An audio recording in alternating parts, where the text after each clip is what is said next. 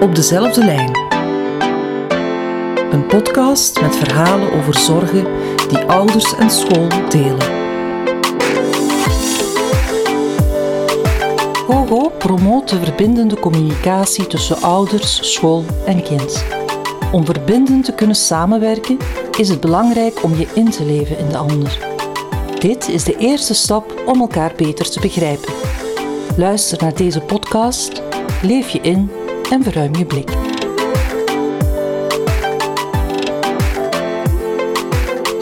Hey, ik ben Philippe, papa van Julie en Anna. Ja, ik ga meteen met de deur in huis vallen. Hè. Ik ben niet tevreden over de school van ons Julie. Ons Julie heeft problemen met rekenen, al sinds het eerste leerjaar. En op haar vorige school liep alles prima, maar, maar nu we verhuisd zijn en ze naar deze school gaat, is het een drama. Om te beginnen heeft het maanden geduurd voordat haar dossier in de school was. En we hebben daar nogthans direct onze toestemming voor gegeven. Hè. maanden heeft dat geduurd. We hebben daar dan nog eens heel hard op moeten aandringen ook. Waarom duurt dat zo lang? Nemen die mensen ons jullie niet serieus? Daarna begon de moeilijke tocht om de begeleiding op school opnieuw op punt te krijgen. Al twee jaar gaan we met Julie naar de logo. We begeleiden haar ook elke avond naar huiswerk. Ja, en dat is een hele boterham voor ons als ouders, maar we het er graag voor over. Met u van de vorige school en, en de logo hebben we in het eerste jaar al veel tijd gestopt in het zoeken naar, naar de juiste hulpmiddelen en de juiste aanpak voor Julie. En, en uiteindelijk stond dat op punt. We zagen de resultaten. nu moeten we dat allemaal opnieuw doen. Denkt deze school dat ze het beter weten dan de vorige school? Of geloven ze ons als ouders niet? Ik heb geen flauw idee. Tijdverlies, dat is het in mijn ogen. We hebben het eerste rapport al gekregen en ja, Julie begint natuurlijk opnieuw een achterstand op te lopen. Ja, school mag dan wel zeggen dat ze het beste voor mijn kind willen. Ik zie het ze niet doen. Ik was het in elk geval grondig beu. Ik heb contact opgenomen met het CLB om te horen wat ik nog kon doen. En dan kreeg ik de directie aan de lijn. Die zei dat ze liever had gehad dat ik eerst met haar had overlegd. Ook dan nog. Ik, ik, ik ben de enige die stappen onderneemt en dan word ik nog de les gespeld. Ja, sorry, de maat is vol voor mij. Het enige wat ik wil is actie voor mijn kind. Deze middag ben ik mijn dochter gaan ophalen en, en toen de juf me terloops vroeg of het nu al wat beter ging met Julie, ja, dan is mijn bom gebarsten. Hoe kan het nu beter gaan? Er wordt niks voor mijn kind gedaan. Hoe kan ze dat nu vragen? Ze zou er beter iets aan doen, toch? Het, het feit dat ze het moet vragen, zegt al genoeg. Ze, ze zou zelf moeten weten hoe het gaat met Julie, zij de juf.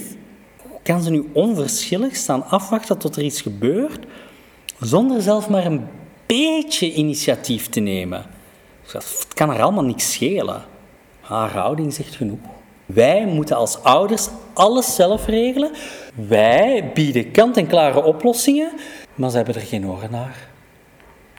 We blijven maar wachten op het dossier van de vorige school.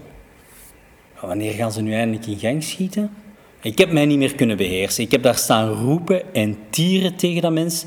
Ja, dat is niet eerlijk misschien, maar maanden frustratie vlogen eruit. We zijn nu al halfweg het schooljaar en ik ben bang dat Julie nog meer achteruit zal gaan. Ja, dat vreet mijn energie weg en, en, en ik heb het gevoel dat ik sta te vechten tegen de bierkaai. Ik krijg het gevoel dat, dat wij thuis het werk van de school moeten doen en dat weegt zwaar door op ons gezin. Ja, en dat komt meest van al op Julie. Ik ben Ellen, de juf van het derde leerjaar. Ik ben een beetje nagedaan van dat gesprek met die papa van Julie. Oh, fijn gesprek. Die man die is ineens beginnen roepen en tieren. Voor de ogen van al de andere ouders en mijn collega's. Ik schaamde me dood. Wat die mij allemaal verweet.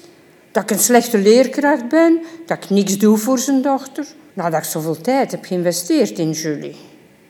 Oh, ik voel me zo machteloos en kwaad. Uiteindelijk ben ik dan ook beginnen roepen. Wie denkt er wel dat de mees dat hij mij zo de les kan komen spellen? Oh, gewoon dankbaar na alles wat ik voor Julie gedaan heb. Julie kwam in het begin van het schooljaar bij mij in de klas. Ja, ze is nieuw op school. Hij ziet een beetje concentratieproblemen en moeilijkheden met abstracte begrippen. Ik weet ook niet goed dat ik dat moet aanpakken. Ja, toen ze bij mij in de klas kwam, had ik toch wat vragen. En dan kreeg de school van de ouders de toelating om contact op te nemen met het CLB om aan dossier op te vragen. Ja, misschien kreeg ze wel in de vorige school hulp van dat ondersteuningsnetwerk. En dan kreeg ik advies van het CLB om Julie eerste keer te observeren en te zien wat ze nodig heeft in de klas. En de zorgjuf ging ook een paar keer met haar aan de slag. Maar van in het begin al kreeg ik zoveel vragen van die ouders van Julie over mijn aanpak in de klas. Dan kreeg ik weer regelmatig mails. Staat er weer iets in die schoolagenda of spreken ze mij aan?